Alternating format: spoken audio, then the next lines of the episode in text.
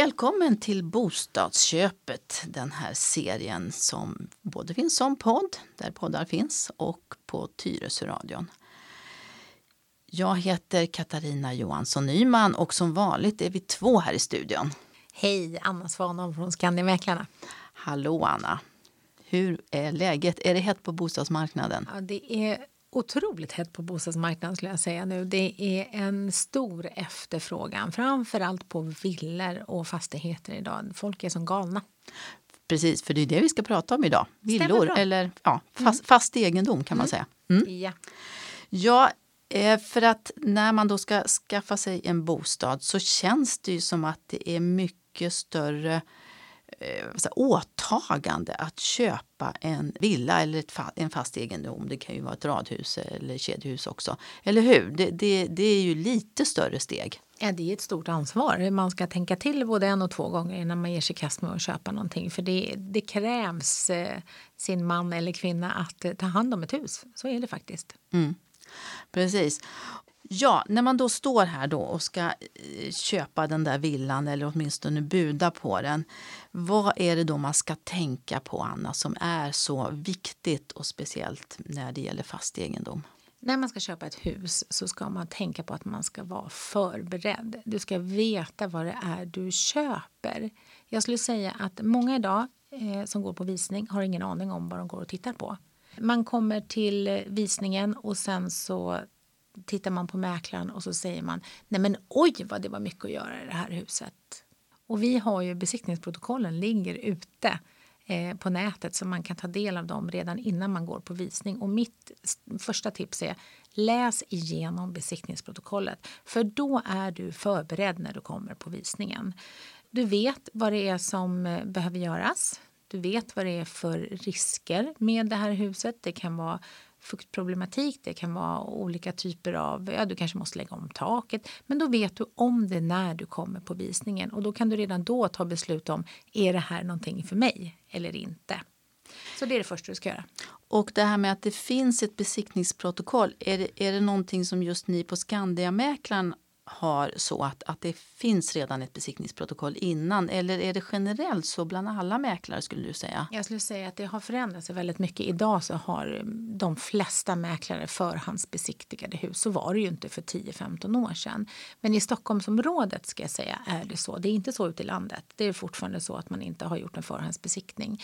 Eh, men våra hus är till 99,9 procent skulle jag säga förhandsbesiktigade. Det kan vara om vi säljer ett hus men vi vet att det här kommer man eh, riva och använda som, som tomt. Då har vi inte förhandsbesiktigade, men då har vi talat om det också. Men annars så förhandsbesiktigas i stort sett alla hus. För att vi ska ett, kunna sätta ett relevant värde på bostaden redan från början och dessutom för att våra kunder ska veta vad är det vi går och tittar på. Mm. Mm. Och när du kallar det för förhandsbesiktning, är, är, det det, är det en riktig jordamarksbesiktning? Det här? Ja, det kallas för överlåtelsebesiktning, det som, som eh, själva alltså köparen gör så småningom. Så man gör dem på exakt samma sätt. Man gör en förhandsbesiktning, men då är det säljaren och mäklaren ofta som är med på plats. Hade det varit en överlåtsbesiktning så hade det varit säljare, köpare och besiktningsman och, och kanske mäklare också på plats. Då, då Men det är exakt samma sak man gör. Och gör man, har säljaren gjort en förhandsbesiktning så är inte den på uppdrag av Eh, alltså, besiktningsmannen går inte säljarens väg, det ska man vara medveten om. För de har också en försäkring. De måste besiktiga huset på rätt sätt oavsett vem som är uppdragsgivare, köpare eller säljare. Och har man köpt ett hus som har en eh, förhandsbesiktning då kan man köpa in sig på en genomgång. Då träffas man i huset med besiktningsmannen och går igenom besiktningsprotokollet och tittar på specifika saker. Och då har man exakt samma juridiska rättigheter som om man hade gjort en egen överlåtelsebesiktning. Då blir den liksom som min besiktning. Så Men menar du annars att att det kan vara så att dels så har då säljaren gjort en, en förhandsbesiktning men sen så kommer in en köpare som vill ha en annan besiktningsman som gör en annan besiktning. Ja, men det kan hända. Och det är fritt för köparen att bestämma om de vill göra en egen besiktning eller om de vill eh, gå vidare med att göra en köpargenomgång på den redan gjorda förhandsbesiktningen. De flesta gör en genomgång av förhandsbesiktningen och jag tror att det handlar mycket om att har man tittat på mycket hus här i Tyresö så vet man vilka besiktningsmännen är, man vet att de är noggranna och sen så väljer man att eh, göra en genomgång där istället. Mm. Men händer det då att det är saker i det här första protokollet då, eh, som säljaren har beställt att det inte stämmer med de saker som då köparen kommer med i sitt besiktningsprotokoll? Det är ytterst sällan. Nu kan inte jag tala om för hur de andra eh, mäklarna arbetar men vi, vi har tre stycken besiktningsmän som vi samarbetar med. Och de arbetar vi tillsammans med för att de är väldigt, väldigt noggranna. Säljarna tycker oftast att de är lite jobbiga för de är alldeles för noggranna. Men det är precis det vi vill uppnå. Man ska hitta allt från början. Det ska inte komma några obehagliga överraskningar eh, när köparen kommer dit, om köparen kommer dit med en egen besiktningsman. Sen kan det vara att det står i ett besiktningsprotokoll att man ska göra en fördjupad teknisk undersökning. Och är det då så att köparen tar dit en egen, alltså en besiktningsman som gör en fortsatt teknisk utredning, ja men då kommer det ju framkomma mer saker. Men då har ju den första besiktningsmannen redan berättat om det. Mm. Mm. Du, som köpare så har man ju det här som man kallar för undersökningsplikt. Va, vad menar man egentligen med det? Eh, det finns ju två begrepp. Det är undersökningsplikt för köparen och sen har du upplysningsplikt som säljaren har. Eh, och då ska man vara medveten om att undersökningsplikten för köparen är långt mer långtgående än vad upplysningsplikten för säljaren är. Du är skyldig som köpare att ta reda på vad som gäller när du köper ett hus och hur ditt hus mår. Och står det någonting i besiktningsprotokollet om en fördjupad teknisk undersökning, ja men då är du skyldig att gå vidare med det för att du ska kunna ha ryggen fri i nästa läge om det skulle bli något problem att upplysningsplikten inte är lika långtgående kan man ju tycka, ja ja men då kan ju de ljuga ihop någonting. Men ja. det man ska tänka på det är ju så här, du kan ju inte begära av en säljare att de ska ha samma kunskap om en, en, ett hus som en besiktningsman har. Så om de säger så att Nej, men jag har aldrig upplevt några problem med det här huset så kanske de inte har det. Det behöver ju inte vara att de ljuger. Ja, det. det. kan ju mm. faktiskt vara så att de inte vet att det är en riskkonstruktion i grunden eller i fasaden eller vad det nu må vara för någonting. Mm. Men det, det kan ju vara så här att man till exempel då som köpare eller besiktningsman för den del kommer upp på en vind som är helt belamrad med saker. Det kan vara så att eh, det är vinter och fullt med snö på taket så man kan inte besiktiga taket. Hur fungerar det då? då? Ja, men skulle det vara så att man kommer upp eh, på taket, eller det är mitt i vintern, det är januari, det är två decimeter snö på taket och du kan inte se, då skriver besiktningsmannen in det i protokollet. Och sen ser man till att man får göra en bestickning av taket i efterhand. Okej, okay, det är så man löser det. Ja, mm. precis. Mm. Och sen är det väl ganska vanligt att man har en sån här så kallad frågelista va, som säljaren får fylla i. Ja, den fyller vi i och där är ju ofta så tar ju vi de frågorna redan från början, kanske till och med innan besiktningen är gjord. Och då kan det ju stå att de inte har upplevt några konstiga lukter eller att det är någon som har mm, tyckt att det har varit något, man tycker, har man inte upplevt några problem med huset så kommer besiktningsmannen dit och säger att det luktar mögel i källaren eller att det är eh, fuktgenomslag någonstans och det har man ju då inte vetat om så där ser man ju skillnaden på upplysningsplikten och vad, vad man de facto kan. Det är ju faktiskt så att du kan ju leva i ett mögelhus och du känner inte att det luktar mögel själv. Men dina så... vänner och bekanta ja, kan känna precis. att det luktar mögel om dig. Men de säger ingenting. Nej, just det. Så att eh, det är, ja, det är en komplex fråga, så är det. Mm, mm, just det. Och, och sen finns ju det som kallas för dolda fel. Vad är dolda fel? Ett dolt fel är ett fel som du inte kan upptäcka. Så enkelt är det. Så att när en säljare säger att det finns inga problem alls i det här huset, jag har levt här i 35 år, jag kan varenda skruv och det finns inga dolda fel här. Nej, för de kan du inte upptäcka, så enkelt är det. Så att ett dolt fel kan man försäkra sig emot. Man kan teckna en dolda felförsäkring som säljare.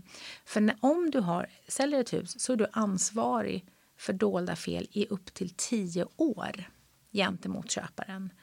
Och det är inte jättekul om någon ringer till dig efter nio och ett halvt år och säger att vi har upptäckt ett fel.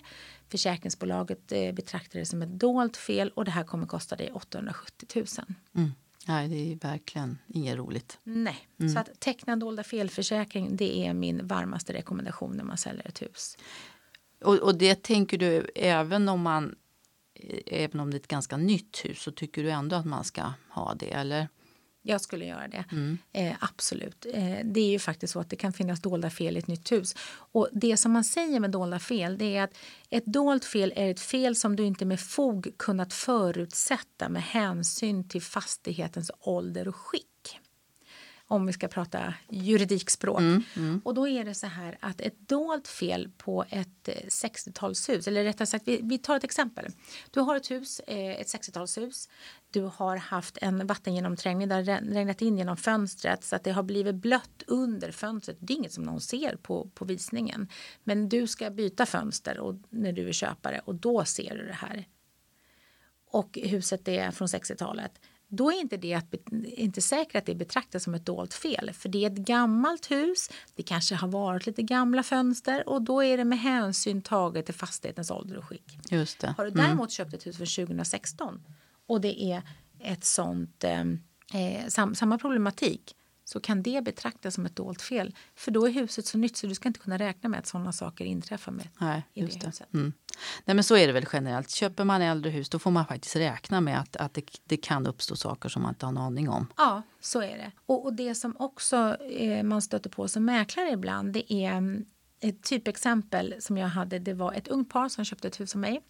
Ett 60-talshus just. Och sen så hade säljaren tecknat en dolda felförsäkring. Och sen så var både hans och hennes, alltså både, båda föräldraparen var med till det här unga paret som köpte det här huset. Och de är lite irriterade på mäklaren för de tycker att ja, ja, det är en dolda felförsäkring på det här. Hur ska våra ungdomar kunna strida mot ett försäkringsbolag? Ja, så ja, är det något fel så kanske det är bra om man om de säljarna har tecknat en försäkring. För det kan ju faktiskt vara så att säljaren hamnar på obestånd och inte har möjlighet att betala de här pengarna. Ja, äh, de var fortfarande lite irriterade med vi, vi var, De tyckte inte att jag var jätterolig kan jag väl säga.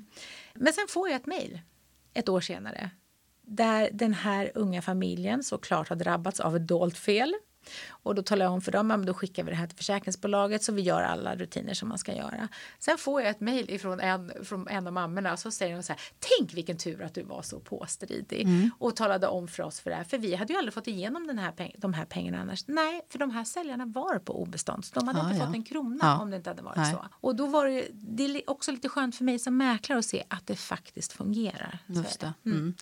Och, och jag, jag har faktiskt några nära bekanta som just drabbades av det här. De sålde sitt hus och så blev det då ett dolt fel. De hade inte en dolda felförsäkring kan jag säga. Problemet där det var ju att de hade själva inte ägt huset så länge så att Nej. det här var förre ägaren som de fick då gå på. Mm. Eh, eller försöka gå på men det var inte så lätt kan jag säga och det blev väldigt dyrt för dem. Ja, för det blir en regressrätt då. Precis. den första köparen ska gå på den andra säljaren mm. som sen i sin tur ska kräva ersättning. Och det är, det är problematiskt, så är det. Så det är värt de här pengarna. Det, jag brukar säga det, det, det är inga pengar för att sova skönt i tio år. Slutet på tio år och varje natt så sover du rätt gott med den försäkringen. Nej, för, för en dolda felförsäkring den kostar ju inte så mycket. Nej, den kostar, jag tror att den ligger på 9000 kronor. Eller något. Ja, Nej, så det är inga, i, i sammanhanget inga jättestora pengar. Nej, och 9000 säger jag, det är beroende på hur stort det är och hur omfattande den är. Men den normala mellanförsäkringen ligger på 9000. Och den dolda fel, felförsäkringen som vi använder oss av det är en eh, säljarförsäkring som försäkrar säljaren. Vilket betyder att säljaren då kan aktivera den här försäkringen. Sen kan man också lämna en fullmakt så att skulle man inte få tag i säljaren om de har flyttat utomlands eller någonting så kan köparen få en fullmakt från säljaren och kicka igång den här försäkringen själva också. Mm. Mm. Normalt så tänker man ju på själva huset. Men tycker du också att det finns anledning när man köper en villa att titta lite grann på tomten. Och då tänker jag till exempel på att jag har bekanta också som var med om att helt plötsligt så, så kom det väldigt mycket vatten på tomten och, och då var det någon ledning eller något, någon sån dagvattenledning som hade sprungit läck så att det liksom blev jättestora sjöar och de förstod inte var det kom ifrån. Har, har, du liksom upplevt att det här med tomten har varit problem någon gång?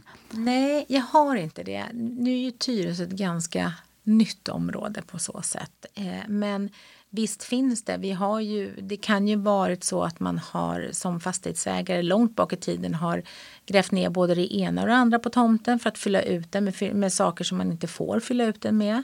Men sånt är ju svårt att, att, ta reda på. Då får man göra någon form av geologisk undersökning för att se vad det är för någonting. Och det är inte, det är inte så lätt att gräva upp en tomt för att se vad den är uppfylld med. Nej.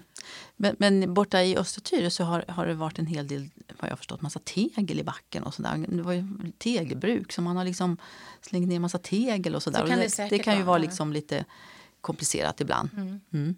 Ja, man vet ju inte vad, vad ens tomt är uppfylld med. Nej, precis. Så är det, ju. det här har vi för sig varit inne på i, i ett tidigare avsnitt. Men jag tänkte vi måste ju ändå prata lite grann eh, om det här med de här kostnaderna som är förenat med att köpa fast egendom. För det är ju det som är skillnaden mellan om man köper en bostadsrätt eller om man köper en, en villa då till exempel. Eh, nämligen lagfart och pantbrev. Hur mycket är lagfartskostnaden? Lagfartskostnaden för en privatperson är 1,5 procent av köpeskillingen. Så köper du ett hus för 10 miljoner så har du alltså 150 000 i en lagfartskostnad som tillkommer. Plus 875 kronor eh, i administrationsavgift till Lantmäteriet. Just det, för att det ska registreras. Mm. Precis. Mm. Eh, och den måste du betala. Köper du en tomt, eh, då är tomten billigare men då är det själva tomten som du köper för det är det som är den fasta egendomen. Då är det det som du betalar lagfartskostnad på. Så köper du en tomt för 3 miljoner då är det 1,5 procent på det och sen kan du då bygga huset men när du säljer det sen eh, med tomt och hus då är det på den slutgiltiga summan som man betalar lagfarten. Sen har vi det här som vi kallar för pantbrevsavgift. Berätta. När du ska låna pengar, det är så här, du plockar ut pantbrev på huset när du lånar pengar. Pantbreven följer alltid med fastigheten. Så har du, säljer du ett hus för 10 miljoner och du har pantbrev på 2 miljoner så följer de med huset vid försäljningen. Och de ligger alltid kvar där. De är noterade på själva fastigheten i, om man tar ut lantmäteriutdrag. Ska du sen när du köper det här huset, du betalar 10 miljoner, det finns pantbrev för 2 miljoner och sen så ska du låna upp eh, 5 miljoner till säger vi så att du har en summa av 7 miljoner. Då betalar du pantbrevsuttagsavgift på de här 5 miljonerna och det är då 2 så det är 100 000 kronor som du får betala för att låna pengar. Och om vi skulle ta ett räkneexempel då, nu, nu tog du 10 miljoner då, men vad, vad är snittpriset skulle du säga ungefär på en villa i Tyresö idag? Eh, ja, men tittar man på snittpriserna i Tyresö och vi avrundar det uppåt lite grann för att eh, få lite rätt, lättare att räkna så eh, köper du ett hus för 7 miljoner kronor så har du en lagfartsavgift på 105 000. Det är alltså 1,5 procent. Skulle du sen eh, behöva låna pengar och bostaden inte har några pantbrev överhuvudtaget då lägger du in eh, eh, 15 procent själv, säger vi. Och då så ska du betala 2% på pantuttagsavgiften och då ligger du på 119 000. Så att det är inte bara att köpa ett hus för 7 miljoner. Det tillkommer alltså kostnader för totalt 224 000 kronor. Så säg 220 till då. Ja, och det är ganska mycket alltså? Jättemycket pengar. Mm, mm. Ja, och det måste man ju också tänka på. Men som du, jag tror vi pratade om det när vi pratade om det här med finansiering mm. så kan man oftast få låna för de Man bakar pengarna. in det i själva ja. bolånet, precis. Mm, precis. Så är det. Mm. Men eh, det är ju lite speciellt vad det gäller det här med fast egendom, att, mm. att det drar iväg. Ja, så är det. Mm. En sak som jag ju ändå funderar på det är ju det här hur mycket tycker du att man i sin kalkyl ska lägga in för underhåll och sådär? Det beror ju alldeles på hur gammalt hus du köper. Så är det ju. Men köper du ett nytt hus så bör du ändå tänka på att en vacker dag så kommer du behöva renovera. Så är det man tittar i besiktningsprotokollen så står det ju att ett tak, betongpannor håller i 30 50 år. Ja, men då ska väl du tänka på att du kanske behöver lägga om ett tak om så många år. Då. Eller köpa ett gammalt hus så kanske du får ta med i kalkylen. Oj, det här huset var billigt, men jag behöver dränera om huset och jag behöver lägga ett nytt eh, tak. Ja, lägg med det i kalkylen på en gång. Ha alltid lite pengar kvar för det kan gå en panna, det kan gå ett kylskåp och det, du måste ju fixa ja. det själv. Det är ja. du som ansvarar för det. Mm, mm. Precis. Och som sagt var, ofta är min erfarenhet att ofta kommer stötvis. det, kan gå, det kan gå flera år och det händer ingenting och sen så helt plötsligt inom loppet av några månader då så kommer händer allt på en gång. Precis. Och, och då är det lite jobbigt kan man säga. Mm. Ja. Då har vi pratat om vad man ska tänka på när man ska köpa någonting med äganderätt. En villa eller ett radhus. Anna, tycker du att vi har gått igenom det mesta där då? Ja, men jag tycker det. Det man ska tänka på det är att eh, läs besiktningsprotokollet innan du går på visning. Var förberedd när du går på visning och eh, ställ frågor till mäklaren. Och ett bra tips också det är att om du har förberett dig genom att läsa besiktningsprotokollet och objektsbeskrivningen och gå på visning och tycker om huset, mejla frågorna till mäklaren redan på, på söndagen eller den dagen du har varit på visning. Så har mäklaren det och kan också förbereda sig på frågorna så att eh, så du kan få korrekta svar. Ja, men vad bra. Då tackar vi så mycket för oss. Tack för idag, Anna. Tack så mycket, Katarina. Trevligt att ha dig här. Tack. Hej då. Hej då.